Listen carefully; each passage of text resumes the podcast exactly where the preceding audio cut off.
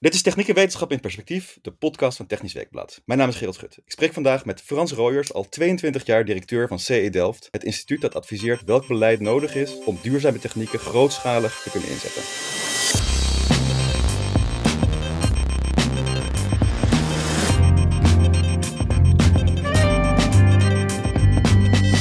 Ik was en ben onder de indruk van zijn scherpe analyses over duurzaamheid en klimaatverandering. Schreef Joris Luijendijk twee jaar geleden over Frans op de correspondent. Ik sluit me daar graag bij aan. Frans, laten we direct met de deur in huis vallen. Wat zijn in jouw ogen de belangrijkste misverstanden rondom de energietransitie? Nou, ik denk het belangrijkste misverstand is dat uh, het om technieken gaat. Er is heel veel aandacht voor, nou noem maar op, kernenergie, biomassa, windenergie. Nou, zo kun je nog een hele trits technieken noemen. Maar uiteindelijk komt het erop neer van wat voor beleid er gevoerd gaat worden om al die technieken toegepast te krijgen. En zowel technici als ook politici zijn heel veel met die technieken bezig, zonder dat er goed wordt nagedacht over van hoe komen die technieken nou in de praktijk bij de burgers en bij bedrijven. En dat is waar wij ons met name op richten. En waarom beseffen mensen dat niet? Dat daar de bottleneck zit? Techniek is leuk natuurlijk. Techniek, dat, dat fascineert altijd. En hele duidelijke pro's en cons zijn er. En het is makkelijk om over technieken te praten. En het is veel moeilijker om over het gedrag van burgers en bedrijven te praten om die technieken te gaan toepassen. Mhm. Wat gaat er dus precies fout door te focussen op die technieken en niet op de manier waarop we ze uitgerold krijgen? Het gaat eigenlijk gewoon veel te langzaam, de verduurzaming. Dat is eigenlijk wat het gevolg is van die fixatie op die technieken. En uh, er zijn goede voorbeelden waar er niet naar, spe naar, specifieke techniek is gekeken en waar er dus heel veel innovatie tot stand is gekomen. Mhm. Ik zal een voorbeeld noemen, waar ik zelf ook vanaf het begin bij betrokken ben. Dat is de energieprestatie voor nieuwe gebouwen. Uh, dat is zeg maar, een beleidsinstrument, een, een, een wet die uh, in 1995 in werking is getreden. En die verplicht alle bouwers van nieuwe gebouwen, woningen en andere gebouwen, om aan een bepaalde energieeis te voldoen. En hoe je eraan voldoet, dat maakt niet zoveel uit. Er is gewoon een rekenschema opgesteld. En een heleboel technieken kunnen daar een plek in krijgen. Zowel besparende technieken als opwekkende technieken. Zowel elektrisch gedreven technieken als gasgedreven technieken. En wat we hebben gezien is dat in nou, zo'n 25 jaar tijd het gasverbruik van nieuwbouwwoningen in 1995 van nou, 2500 kub uh, ongeveer was het toen uh, gemiddeld. Uh, teruggebracht is naar zo'n zo'n 500 kub en zelfs nog lager. Hè. We zitten nu aan, aan de Beng-norm, bijna energie-neutrale gebouwen. En wat er is gebeurd is dat we wisten niet in 1995 wel welke technieken toegepast zouden gaan worden. Maar door combinatie van dat wettelijke instrument met subsidie om bepaalde technieken te ontwikkelen, is HR++ gas gekomen, uh, is de HR-ketel is standaard geworden. Uh, we zitten nu in de fase dat warmtepompen standaard aan het worden zijn. Mhm. En de technici die hebben dus gewoon die technieken ontwikkeld op basis van de eis van het moet energiezuinig. En uh, zonder dat het eis was van je moet per se een warmtepomp toepassen. Nou, dat, uh, en er zijn ook mislukkingen geweest, maar uiteindelijk hebben we dus een forse slag ermee gemaakt. En ik vind, dit, dat, is, uh, vind dat dus een goed voorbeeld van hoe je eigenlijk beleid moet opzetten om techniek toegepast te krijgen. Ja, in feite techniekneutrale normering.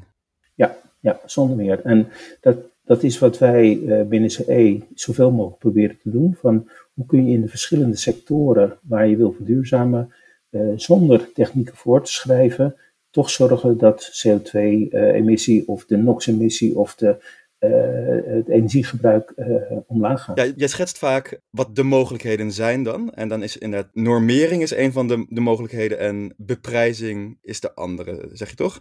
Ja, ja, dat zijn eigenlijk de twee hoofdinstrumenten die je als uh, overheid hebt om ervoor te zorgen dat burgers en bedrijven ja. hun keuzes gaan veranderen. En in de ene sector is normering wat uh, beter toepasbaar, in de andere sector is beprijzing wat beter toepasbaar. Waar hangt het vanaf? Het hangt af van de prijsgevoeligheid uh, van, uh, van de sector. Ja. En bijvoorbeeld ook van degene die beslist over de aanschaf van bepaalde installaties. Kijk naar die nieuwe gebouwen. Eigenlijk de beprijzing heeft niet zoveel zin, omdat de gebouwontwikkelaar heeft niks met de kosten van energie te maken. Hij levert het op en dan is hij gewoon weg. Mm -hmm. Uh, dus daar is normering een hele goede methode om ervoor te zorgen dat het uh, gewoon uh, energie-neutraal wordt. Ja, in welke sectoren is het dus beprijzing en in welke sectoren is het normering? Normering eigenlijk in de sectoren die het minst prijsgevoelig zijn, zoals de gebouwen en de transportsector, de, met name de personenvervoer. Als je kijkt naar het goederenvervoer is alweer veel prijsgevoeliger. Uh, en de industrie is natuurlijk heel prijsgevoelig. Dus dat is een sector waar met name beprijzing een hele, hele goede methode is. En in de praktijk zien, zien we, we hebben in Nederland wel een aantal goede instrumenten hoor. Uh, de energiebelasting is een goed instrument, de, de energieprestatienormering is een goed instrument. Maar het is dus opvallend dat de energiebelasting ja met name hoog is in die sector die het minst prijsgevoelig is. dus de gebouwde omgeving, de huishoudens. En het laagste is voor de hele energie-intensieve bedrijven, die zelfs soms vrijgesteld zijn. Ja. Nou, dat, daar moet je gewoon je les uit trekken. En de, de, de Europese Commissie heeft dat dus gedaan. Hè. Uh, uh, recent is het nieuwe uh, programma voor de EU Green Deal gepresenteerd. En daar zie je dus dat de Europese Commissie een aantal krachtige instrumenten heeft neergezet. Mm -hmm ook weer een combinatie van beprijzing en normering. En, en vervolgens een soort vangnet om uh, de ergste leed te verzachten. Nou, dat is een hele goede methode, vind ik zelf, om de verduurzaming verder te helpen. En, ja. nou, wij hebben afgelopen jaar hebben we gewerkt aan het KBT, dat is het Klimaatcrisisbeleidteam. En daar hebben we eigenlijk op dezelfde manier instrumenten ontwikkeld, waarvan we zeggen, nou, die kunnen helpen om die verduurzaming, die we willen met z'n allen. Hè. We hebben dat afgesproken, klimaatakkoord en ook de Green Deal. Hoe die ook werkelijk uh, zijn beslag kunnen gaan krijgen in alle sectoren. En daar zie je dus ook weer normering en beprijzing. Dat zijn de hoofdinstrumenten. Pak je graag het KBT eventjes verlaten, komen we zeker op terug. Wat je net noemde, de Europese Green Deal, is vers van de pers. Ik sprak eerder dit jaar Pieter Boot van het PBL. En een van de dingen die nu in de Green Deal gekomen zijn, is uh, een soort ETS voor transport en gebouwde omgeving. En Pieter Boot was daar toen heel sceptisch over, over dat idee. Hij zei zelfs, uh, iedereen die daarover nadenkt is er tegen. Juist omdat de prijselasticiteit in transport en ge uh, gebouwen zo laag is. Hoe zie jij dat? Ja, uh, naar mijn idee is dat een misvatting van Pieter Boot. Het, het, het is namelijk zo dat de, het ETS voor transport en gebouwen is in essentie is een normeringsinstrument. Het normeert namelijk de hoeveelheid CO2 ja. die uh, voor die sector beschikbaar is. En het gevolg is dat je een prijs krijgt voor CO2. Mm -hmm. Dat is, was uh, vorige week ook een discussie over het ETS voor, voor die sectoren. En toen ging het ook steeds over die CO2-heffing. En dat is, ja, het, is, het lijkt misschien ja. een detail, maar het is wel vrij essentieel. de commissie zegt namelijk van ook de CO2-emissie voor die sectoren, die gaan we langzamerhand in stapjes naar beneden brengen. Ja. En dan ontstaat er een prijs. Uh, en daar reageert voor een deel de burger op, als die wordt doorberekend. Maar voor een deel ook de professionele partijen, zoals uh, Shell, Esso, Eneco, Vattenfall. Want die krijgen namelijk ook een prikkel om groene energie te gaan leveren aan hun gebruikers. Dus er zitten twee aspecten in die mm -hmm. voortvloeien uit die norm. Uh, dat is enerzijds een prijs en anderzijds een stimulans om vergroening te gaan laten plaatsvinden. En die prijs die geeft een beperkte reductie bij de gebruiker. Die, die prijselasticiteit is, is niet zo hoog. Maar op een gegeven moment wordt groen gas wordt aantrekkelijker dan aardgas. Uh, waterstof kan op een gegeven moment aantrekkelijker worden dan aardgas. En uh, dat geldt ook voor benzine en voor diesel. Dus, ja, precies. Dus door het effect aan de productiekant en niet aan de, aan de consumptiekant. Ja, ja precies. Ja. Ja, volgens mij had Pieter Boot het toen uh, over, het was toen nog niet helemaal uitgewerkt, over het idee om uh, ESR, dus gebouwde omgeving en transport, in hetzelfde emissiesysteem te stoppen als de industrie. Dat samen in een mandje. Wat is nu de uitkomst geweest? Ja. Nou, er, er, is natuurlijk nog geen uitkomst, ja. want er, het, het, het ligt een voorstel van de commissie, maar dat moet natuurlijk nog geaccepteerd gaan worden. Maar, maar de commissie zegt uh, eigenlijk een apart systeem voor voor die sectoren. Uh, wat wij, wij hebben er ook met dat KBT, ik kom er toch even op terug, uh, over gesproken. En wij zeggen eigenlijk, ja, zo'n handelssysteem is een goede zaak, maar begin er nou gewoon mee in Nederland en ga dat niet meteen Europees aan. Waarom? Omdat mm, onze inschatting is dat het gewoon nog heel veel jaren duurt voordat je alle uh, handen op elkaar hebt. Uh, ja, ja. De, de, commissie zegt zelf twee jaar, maar dat is een dermate ingrijpend voorstel dat de kans toch groot is dat het niet geaccepteerd wordt. En dan heb je na twee jaar niks. En ons voorstel is om eigenlijk gelijk aan Duitsland, want Duitsland heeft inmiddels mm -hmm. zo'n uh, systeem voor de transport en de gebouwde omgeving, om dat ook in Nederland ja. te gaan uitvoeren, invoeren. En dan heb je daar meteen al profijt van, want dan kun je gewoon zeggen uh, in 2030, dan pinnen we de emissie die is afgesproken in het klimaatakkoord, of misschien nog iets minder ten gevolge van de EU Green Deal, die pinnen we vast. We gaan in stapjes daar naartoe. En dan weet iedereen waar die aan toe is. En dan uh, kunnen uh, investeerders daar rekening mee houden. Die kunnen uh, groen ja. gasprojecten en dergelijke gaan opzetten. Ja, precies. Dan, dan, weet je zeker ook dat je je doel haalt. Ja, ja precies. Dat is de, eigenlijk het, natuurlijk het belangrijkste. Je, dat ETS voor ge, gebouwen en transport ja. is met name bedoeld om zekerheid te hebben over je doel. Ja. En de prijs is een gevolg ervan. Ik las ergens dat je schreef, uh, dat vond ik wel lekker helder. Als je beprijst, weet je zeker hoe duur het is, maar weet je niet zeker of je doel haalt. Als je normeert, weet je zeker dat je je doel haalt, maar weet je niet zeker of, hoe duur het wordt. Ja, ja, ja. en je kunt vervolgens kun je wel zeggen van nou, ik ga wat hulpmiddelen invoeren om toch ook wat meer zekerheid over die prijs te geven, door bijvoorbeeld een minimum en een maximum in te voeren. Dat heeft Duitsland mm -hmm. bijvoorbeeld gedaan. Duitsland heeft gezegd van nou, we willen het niet meteen uh, te rigoureus maken. Dus voor de eerste jaren zeggen we dat er een maximum is gebonden aan de prijs die voortvloeit uit dat ETS. En uh, dan wordt de norm dus ook ruimer. Uh, dat kan een gevolg zijn. Hè? Dus uh, als, er te weinig, als er te weinig wordt bespaard, uh, dan betekent dus dat de Duitse regering dan accepteert ja. dat daarmee zeg maar, die uitruil tussen prijs en, en effect, dat die toch wat meer richting prijs gaat. Maar dat hebben ze duidelijk gezegd als een start. En om aan het systeem te wennen, net zoals dat we nu al 15 jaar gewend zijn aan het EU-ETS ja. voor de industrie, dat heeft heel lang geduurd voordat het gewoon geaccepteerd is geworden. De commissie heeft daar hele slimme dingen voor gedaan met het uh, gratis rechten en uh, allerlei methodes om rechten weer op te kopen. Mm-hmm. Je ziet nu dat het gaat werken en dat het dus voor de komende periode een heel krachtig instrument is. Nou, zo'n ETS voor gebouwen en voor transport kost ook enige tijd om ja, zeg maar, uh, geaccepteerd te worden en dat alle partijen er goed mee kunnen werken. Ja. En dan helpt het dus om met zo'n met zo'n ja, maximumprijs te gaan werken. Ja, ik zat net, net, even uit te rekenen wat de de facto CO2-prijs is op benzine en aardgas als je gewoon de, de belasting die erop zit uh, omslaat naar de, naar de kilo's. En dan kom je bij beide eigenlijk op een kleine 300 euro per ton CO2 uit. Dat is best een hoge prijs. En uh, hoe, hoe verhoudt dat zich tot dit nieuwe systeem? Um, nou, ik denk dat we zo'n prijs nodig hebben om uh, uiteindelijk die technieken in de markt te krijgen en de besparingen te krijgen die nodig zijn om het doel te halen. We hebben ook uh, analyses gedaan van zo'n ETS en zo'n die 300 euro, dat zou op zich een prijs zijn, uh, die zit aan de onderkant van de bandbreedte bij ons. Hij kan ook nog hoger uh, gaan worden. Ja. En wat je kan doen, is dat je tegelijkertijd de accijns en de energiebelasting vermindert. Het is om daarmee de, de, de druk voor de burgers niet onnodig groot te maken. Ja. Maar bijvoorbeeld wel de incentive voor de professionele gebruikers om groene benzine en groen gas te gebruiken om die te vergroten. Het is, uh, en die, die, uh, die grens ligt ook ongeveer bij zo'n 300 euro per gemeten ton CO2. Het is voor, voor dat geld kun je ongeveer groen gas gaan maken.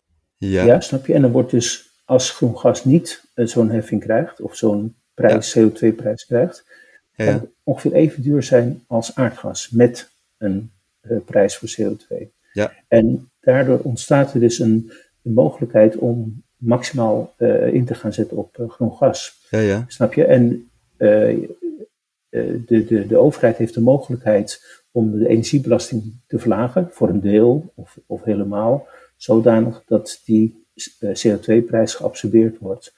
Ja. Uh, ik denk dat het uh, niet verstandig is om het helemaal te doen, omdat uh, je hebt ook die besparingen nodig. en je zou dus met name de mensen die het echt niet kunnen betalen, die zou je moeten gaan compenseren. Ja. maar dat, dat zijn dus eigenlijk de, de beleidsinstrumenten waar een overheid mee kan gaan werken, om ervoor te zorgen dat zowel de burger, de gebruiker, mm-hmm. Uh, als de professionele partijen, de Eneco's, Vattenfalls, uh, Shells, gaan investeren in vergroening en in besparing. Het klinkt heel makkelijk als je het zo zegt. Wat worden de moeilijkheden om het ingevoerd nou, te krijgen? De, de moeilijkheid is natuurlijk uh, het invoeren zelf. De, de, politieke acceptatie. Je ziet dus nu ten gevolge van het voorstel van de commissie dat er heel veel weerstand is, met name tegen die CO2-prijs die voortvloeit uit dat ETS voor gebouwen en transport. Ja. Maar in die hele discussie heb ik nog niet gezien dat je daar wat slimmer mee overweg kunt door te gaan schuiven met die accijnsen en de energiebelasting. En daar ligt dus wel een oplossing. Maar dat is specifiek natuurlijk voor Nederland een mogelijkheid, omdat wij in feite al op die prijs zitten. Nou ja, dan kun je het mechanisme, die, die, die belasting inderdaad terugschroeven, zodat je langzaam een beetje stabiel blijft. Maar in, in andere landen die een veel lagere de facto CO2-prijs daarvoor hebben, verandert er wel echt iets. Ja, maar daarom denk ik dus ook dat zo'n Europees ETS voor gebouw en transport er niet zo gauw komt. Omdat die weerstand in een heleboel landen erg groot is. En in Nederland hebben we die mogelijkheid wel om het op die manier te gaan doen. Dus daarom hebben we met de KBT geadviseerd om die kant eh, op te gaan. Ja. En als er dan op een gegeven moment toch een Europese overeenstemming is, kun je het systeem vrij makkelijk uh, laten inschuiven in het Europese systeem. Ja, precies. En Nederland kan daar uh, voor de troepen uitlopen, omdat er ook in deze sectoren eigenlijk geen weglek. Uh... Heel, heel, beperkt, hè? transport voor een deel. Maar goed, aan de andere kant, de Duitsers hebben ook zo'n systeem ingevoerd. Dus onze buurlanden, die werken op eenzelfde manier. Maar trans transport, is het dat niet systeem al ongelijk, omdat wij hogere accijnzen hebben dan, dan de buurlanden? Nee, dus al die mensen die tanken al lang vlak over de Nou, een deel van de mensen. Dat fenomeen bestaat al? Dat, precies, dat bestaat al. Uh, maar je moet wel zorgen dat dat niet verder uit balans raakt. Uh, dat is ja, natuurlijk ja. met name voor de pomphouders in, in, de, in de grensregio is dat natuurlijk wel van belang. Mm -hmm. Maar daarom kun je dus ook schuiven met die, met die accijnsen. Ja. En de, die verlagen ten gunste van die CO2-prijs. Ja, even iets anders. Wel gerelateerd. Uh, Eerder dit jaar sprak ik met uh, Margriet Kuiper over een plan dat ik persoonlijk erg elegant vond. De Carbon Takeback Obligation. Dus als Shell een liter benzine verkoopt, moet het tegelijkertijd evenveel veel CO2 onder de grond stoppen als er vrijkomt uit de benzine. kun je geleidelijk aan aanvoeren, invoeren. En dat heeft ze samen met jouw voorganger bij uh, CE Delft, uh, Jan-Paul van Soest, uitgewerkt. Hoe verhoudt dat zich tot waar we nu over spreken? Het, het, het is ook een mogelijkheid om daarmee de CO2-emissie te verlagen. Ik kan het systeem nog niet helemaal goed doorgronden. Het hangt ook af van de, zeg maar, de grenseffecten. Van, geldt het dan voor alle benzine diesel die hier verkocht wordt, of die Shell uit de grond haalt. Dat zijn natuurlijk hele andere grootheden. Ja. Wat je hiermee wel doet, is dat je de fossiele energiemaatschappijen een hele belangrijke prikkel geeft om uh, iets aan de CO2-emissie te gaan doen die ook de rechter heeft gezegd, zij moeten verlagen. Mm -hmm. Je kunt niet zeggen van dat het er bovenop komt. Het, voor een deel zal het een aantal maatregelen die ook nu in het ETS zitten, die heb je ook nodig. En net zoals CO2-opslag zit in het ETS en wordt ook gewaardeerd in het systeem van, uh, van, die, van die Carbon Takeoff Obligation. Ja, precies. Maar is het dan de een of de ander? Um, nou, dat, dat hoeft niet. Uh, uh, kijk, je kunt Net zoals uh, een, een norm, normering kun je combineren met een subsidie. Het, uh, het kan helpen om uiteindelijk goed aan de norm te voldoen. Uh -huh. En nou, dat is wat ik nog niet helemaal goed door, kan doorgronden. Uh, van of je het makkelijker maakt om de ETS-norm te halen, ja of nee. Dat, het, ik denk zelf dat het eigenlijk breder zou moeten werken, hè, die Carbon Takeback Obligation, dan het ETS. omdat het voor alle verkoop van Shell zou moeten gaan. Ja, precies. Maar voor het ook het idee dat het gewoon alles wat je op de markt brengt, daar, daar geldt Ja, maar uh, is dan alles wat je op de Europese markt brengt of alles wat je uit de grond haalt? Dat is uh, omdat er natuurlijk Shell is een wereldspeler. Ja. En ik denk dat het goed zou zijn als de oliemaatschappijen alles wat ze uit de grond halen, moeten gaan aanpakken. en dan werkt het dus weer veel breder dan het ETS. Dus dat, het hangt een beetje van. Maar dan krijg je concurrentiepositie, et cetera. Nou ja, maar dat zou dus, kijk, uh, dus er worden wel grote stappen gezet op dit moment uh, in de wereldpolitiek. Hè. Kijk naar die uh, afspraak over die belastingwetgeving. -huh. Het moet allemaal nog wel uitgewerkt gaan worden. Maar het is anders dan, dan, dan, dan vorig jaar toen Trump aan de macht was. Er was niks bespreekbaar. En nu zie je toch dat met name Biden, die heeft het gewoon aangepakt. Ja. En uh, het is heel goed mogelijk om de grootste olieproducent op die manier verantwoordelijk te maken voor de CO2-emissie die ze uitstoten. En daarmee krijgen ze dus ook een prikkel bijvoorbeeld om over te gaan schakelen naar waterstoflevering, wat je uiteindelijk nodig hebt in, uh, in de hele wereld. Maar dat, je zegt dus, dat zouden we eigenlijk moeten invoeren, ongeacht of uh, Saudi Aramco het ook doet. Nou ja, uiteindelijk moet je dus alle grote oliemaatschappijen moeten, zouden dat moeten gaan doen. Ja, het... en, nou, Oké, okay, maar je moet ergens beginnen. En je hoeft niet meteen te beginnen met 100% ja, nee, nee. takeback. Uh, hè, dus je kunt uh, ook zeggen van nou, we beginnen met uh, 10% of 15%. Mm -hmm. uh, maar wel met het doel dat alle olie, ja. olieleveranciers dat gaan doen. Nou, in die zin kan het dus een, een additioneel iets zijn ten opzichte van het Europese systeem. Nou, dus die 10% is ook precies wat ze voorstellen. Misschien een bruggetje. Je zegt, dingen kunnen heel snel heel anders gaan. Dat hebben we het afgelopen jaar met uh, corona natuurlijk gezien. Jij hebt je laten inspireren door de coronacrisis en uh, bedacht dat voor klimaat er eigenlijk net zoiets nodig is als het OMT. Dat is het uh, Klimaatcrisisbeleidteam. je zit daarin met twaalf wetenschappers met verschillende achtergronden. Voor het gemak heb je gelijk de les van het OMT opgepakt. Dat daar ook gedragswetenschappers in moeten. Wat is het belangrijkste dat er volgens jullie nou anders moet? Eh, nou, het belangrijkste is uh, in wezen waar we het net ook over hadden, dat er uh, een norm gaat komen voor de CO2-emissie die nog mag worden uitgestoten. En als je, want dat is eigenlijk wat we zeggen van nou begin nu met een, het invoeren van zo'n ETS in Nederland, aanvullend op het Europese ETS voor de industrie en de elektriciteitssector. En dan gaat dan vervolgens de burgers en bedrijven helpen om zeg maar, binnen die norm te kunnen blijven. Uh, en dat kan met subsidies, daar zijn allerlei maatregelen voor. Maar ook met zorgen dat de, de zwakste burgers en de zwakste bedrijven uh, gecompenseerd gaan worden. Mm -hmm. Dat zijn even eigenlijk gewoon de hoofdstappen die we hebben uitgewerkt. En wat je ziet is dat eigenlijk het klimaatakkoordbeleid ja. is een goed beleid, maar dat mist dus eigenlijk een hele duidelijke norm, een, een, een soort uh, plafond waar, waar je binnen moet blijven. Ja. En uh, dus je hebt de maatregelen van het klimaatakkoord hard nodig, uh, maar wij zeggen dan, zet er dan een, een, een plafond op, zodat je ook zeker weet dat je het doel gaat halen. En dat is nu, met de huidige afspraak in het klimaatakkoord, zeker niet aan de orde. Ja. Dus dat is, dat is eigenlijk de belangrijkste toevoeging. Ja, ja. Um, dus, uh, en, en dat ETS voor uh, gebouwen en transport en een vangnet voor burgers en bedrijven. En dan de mensen die dat niet kunnen dragen, die worden dus via inkomensbeleid dan gecompenseerd. Een hoger minimumloon, een hogere bijstand, dat soort dingen. Ja, of, of een, eh, een, een, een, vaste aftrekpost in de inkomstenbelasting. Dat is een, methode waardoor je eigenlijk eh, zegt van nou de eerste deel van de belasting, eerste deel van je inkomen hoef je geen belasting over te betalen. Of vrijstelling op de energiebelasting zoals we nu ook al eh, een treetje in hebben. Ja, maar een, vrijstelling op de energiebelasting is op zich makkelijk en dat zie je, dat is op dit moment de weg die gekozen is. Ja. om die te verhogen. Die is nu boven de 500 euro gekomen. Maar dan wordt het geld teruggegeven aan iedereen, ook aan burgers die het wel kunnen betalen.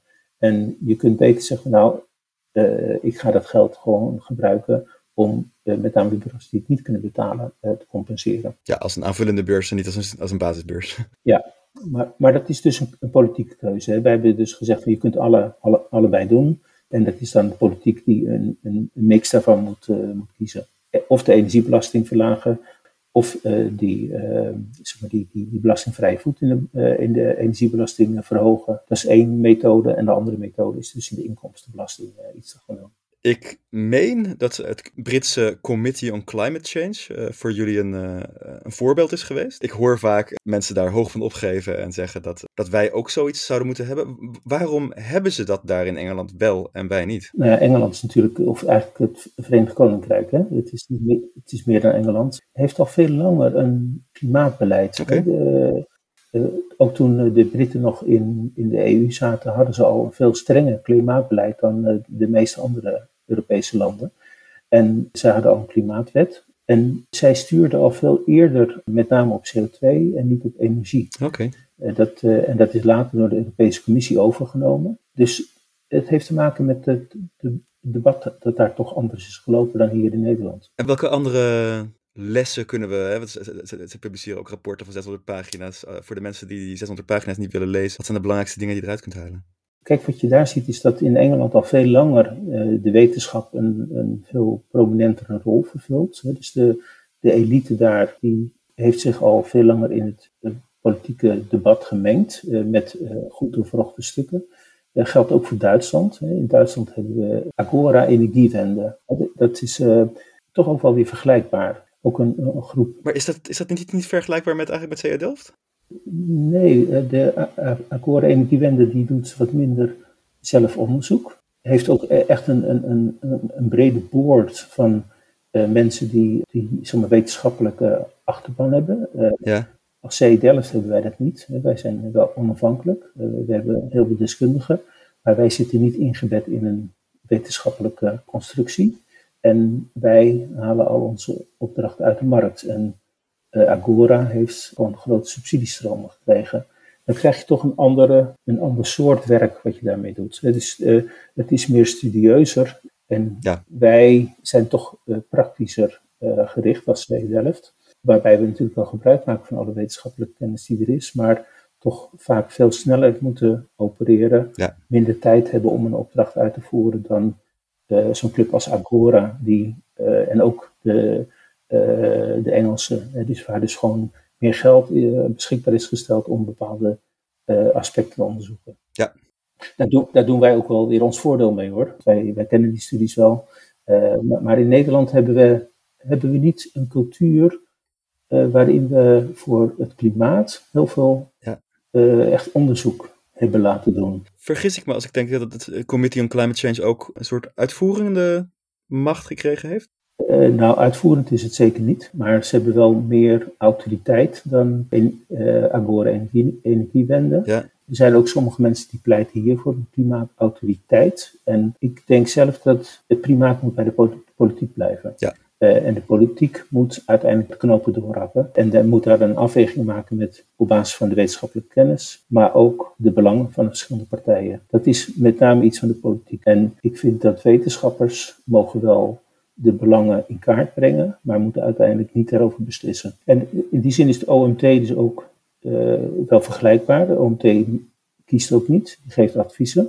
De OMT voor de, uh, de COVID-crisis brengt als het goed is alles samen en volgens moet de politiek kiezen. Nou, dan zie je dus ook af en toe de spanning, hè, waarin ja. de, het kabinet uh, sommige dingen te snel doet, waarin het OMT zegt van even kalm aan.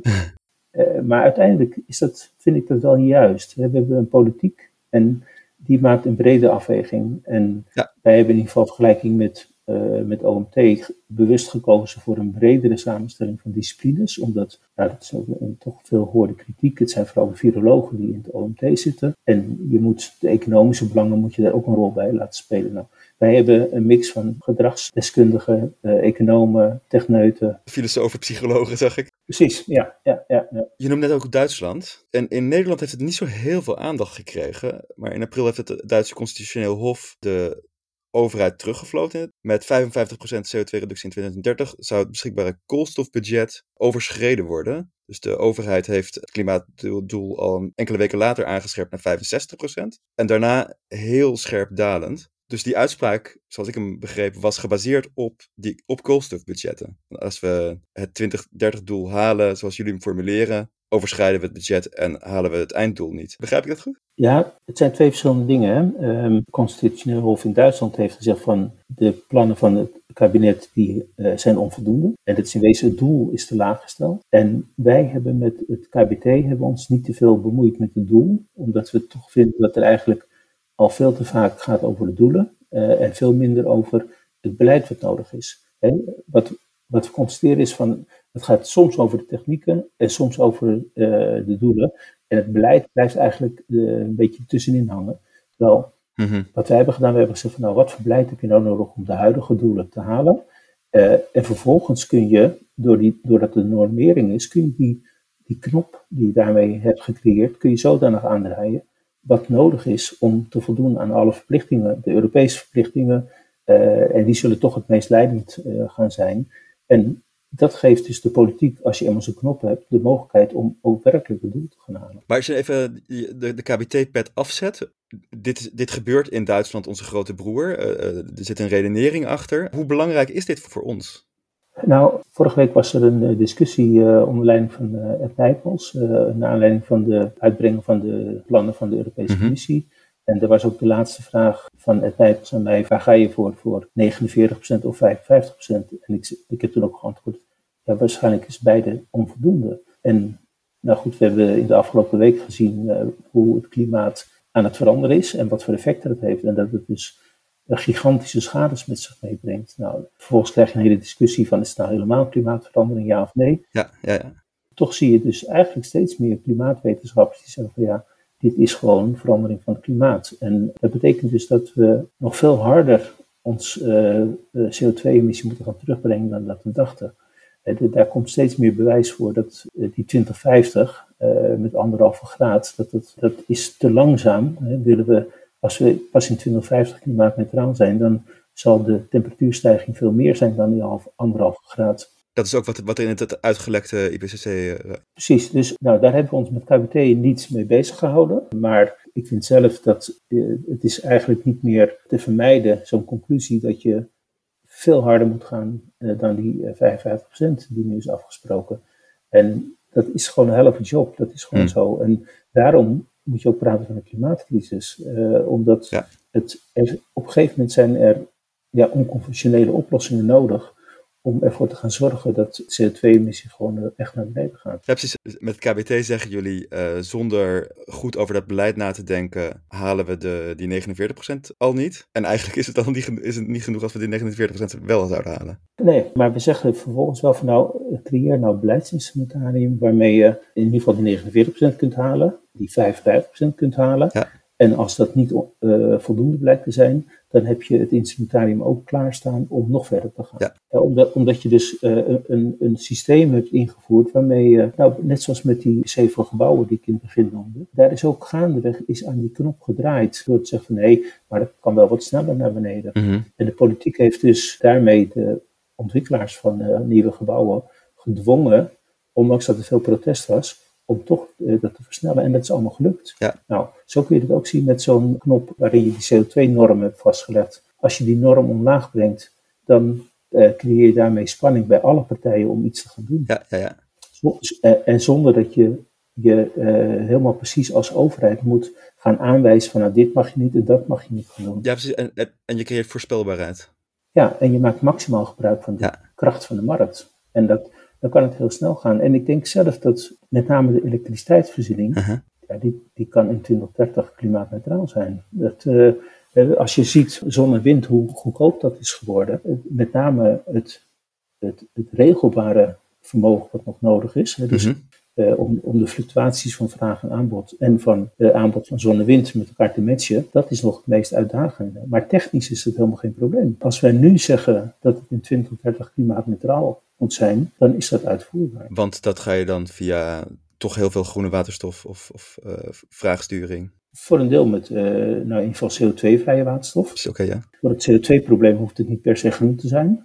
Dat is, dat is wel een wens van veel partijen, maar als je kijkt gewoon, het gaat vooral om CO2 en je kunt dus in eerste instantie blauwe waterstof gaan maken. Ja. Om in ieder geval te zorgen dat het systeem gaat draaien, dat je dus, nou ja, die carbon take back obligation, die zou een hele goede rol kunnen spelen om blauwe waterstof te gaan maken. Ja. Dat kan helpen om dat deel van de elektriciteitsvoorziening wat niet makkelijk met zon en wind is te verduurzamen, om dat ook CO2-vrij te maken. Nou, dat is, technisch is dat mogelijk om dat in 2030 voor elkaar te hebben.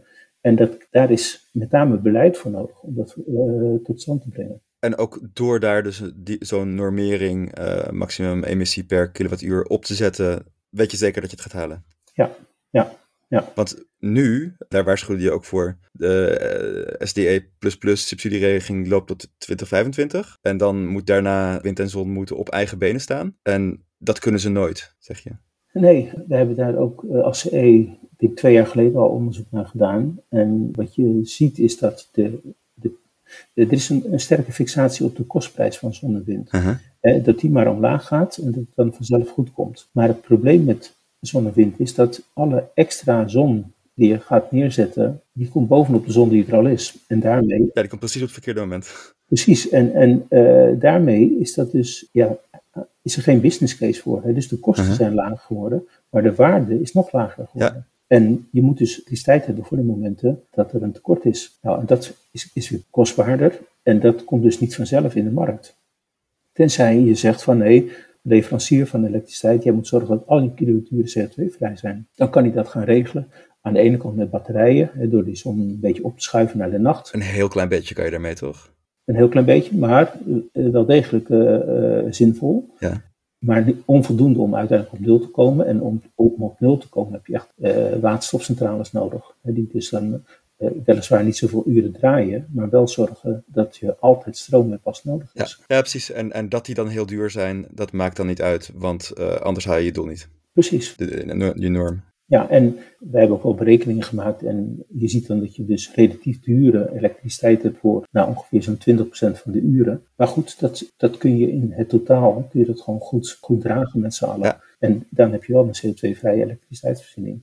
En dat is, technisch is dat goed uitvoerbaar en dat komt alleen tot stand als je beleid hebt ervoor. Maar we zitten nu dus in 2021. Investeerders weten dat in 2025 die SDE++ afloopt. Voor veel projecten heb je een lange doorlooptijd. Wanneer moeten we beslissen om te voorkomen dat de boel spaak loopt? Nou ja, dat had eigenlijk al moeten gebeuren. Uh, dus de boel gaat spaak lopen? Um, nou, het, um, als het nieuwe kabinet, wat er toch ooit moet gaan komen, mm -hmm. uh, een aantal krachtige maatregelen neemt, dan is het wel degelijk mogelijk. En ik denk de, de huidige klimaatcrisis en de zichtbaarheid ervan en de noodzaak om aan toch heel ingrijpende doelen te gaan voldoen, uh, ook opgeroepen door de, door de EU-commissie, uh, maakt het wel duidelijk dat het kabinet een aantal forse stappen moet gaan zetten. Dus ik heb de hoop nog niet opgegeven. Uh, eigenlijk had het wel moeten gebeuren. Maar als dit kabinet nu zegt van nee, we gaan in 2030 klimaatneutrale elektriciteit afdwingen, nou, dan krijg je wel dat alle investeerders even gaan nadenken hoe, uh, wat ze moeten gaan doen. Als ik even hardop denk, uh, zou dat niet paradoxaal genoeg ook weer een rem op elektrificatie kunnen zijn als uh, hierdoor elektriciteit heel duur wordt? En, In theorie heb je gelijk, hè? want elektriciteit wordt dan iets duurder dan het nu is, maar de alternatieven worden nog veel duurder. want de CO2-prijs op aardgas die gaat, die gaat echt fors omhoog als we... Ja, daar stuur je ook op. Precies. Hè? Dus ja, ja. Uh, die elektriciteitsvoorziening is niet het enige wat je doet.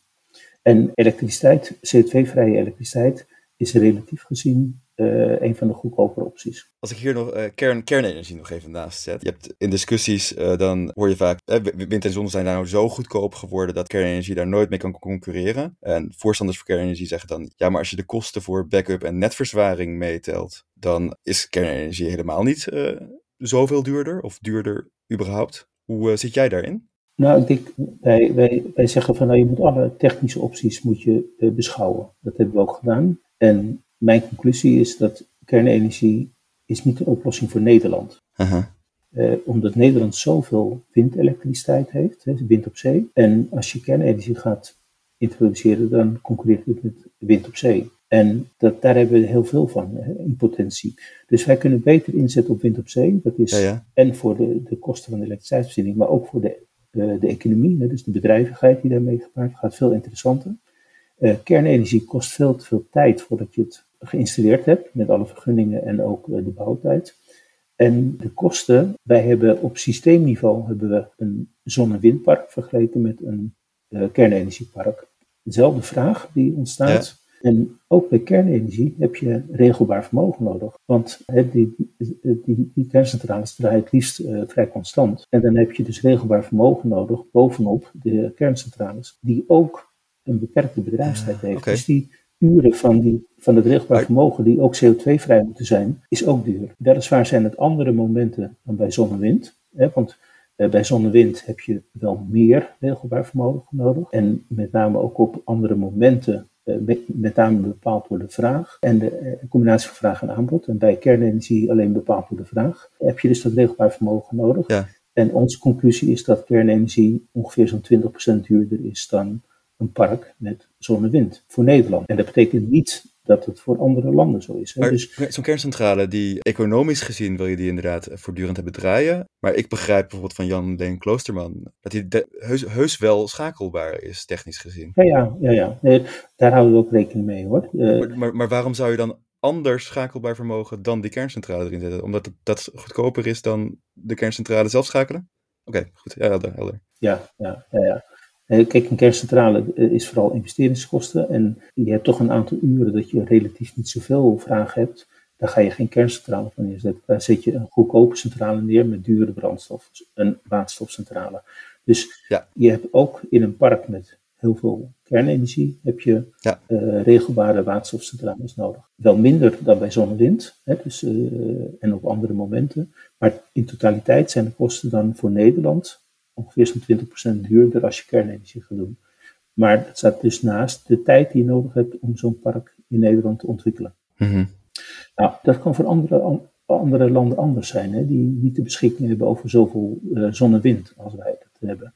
op met name windenergie. Ja. Maar voor Nederland zou, zou dat gewoon eigenlijk niet, niet de goede keuze zijn om dat te gaan doen. Nog een dingetje over kernenergie. Ik hoorde jou enkele jaren geleden zeggen over die Duitse kerncentrales. Dat uh, Duitsland nog wel. Duitsland komt nog wel terug van die beslissing om die kerncentrales te gaan sluiten. Want anders komen ze in de problemen.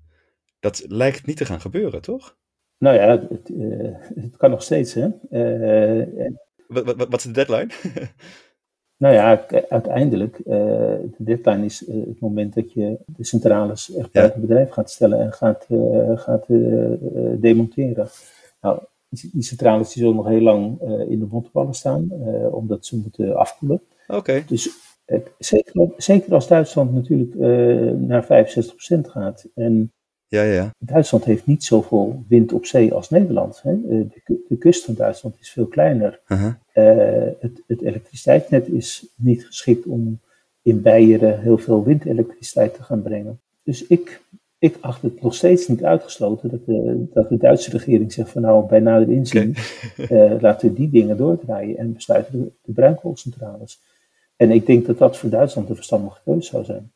Interessant. Ja. ja, nog een ander dingetje. Volgens een doorrekening van het PBL, uh, vorig jaar komt Nederland in 2030 op 34% CO2-reductie uit. En daarin is heel veel beleid dat nog niet duidelijk genoeg was, niet meegenomen. Onlangs noemde Marjan Minnesma die 34% bij Buitenhof. Uh, Henry Bontebal van het CDA noemde dat niet fair. En die kreeg vervolgens een hele uit zijn verband gerukte pagina de Telegraaf eraan gewijd. Ik zag jou ook ergens die 34% noemen.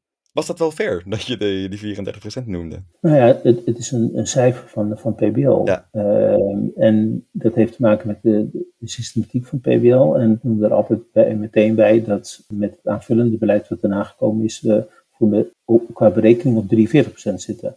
En nog steeds een tekort van uh, 5 procentpunten. Ja. En nog steeds een tekort ten opzichte van de EU Green Deal. Ja, maar wel van een hele andere orde dan uh, 34 versus 49. Ja, nee, wij, wij hebben, we zijn nu bezig met een rapport van Milieudefensie en dan hebben we het over eigenlijk die 5 procent en die 6 procentpunten. Uh, dus uh, even redenerend vanuit 43 naar 49 naar 55. Dat, dat is toch wel een opgave die reëel is. En dat is toch behoorlijk wat CO2 die je daarvoor moet gaan besparen. Om, uh, om dat voor elkaar te gaan krijgen. Ja, ja, ja. Snap je? Dus uh, daarnaast is het zo dat ik de inschatting van PBL toch aan de rooskleurige kant vind. PBL die werkt met een bandbreedte.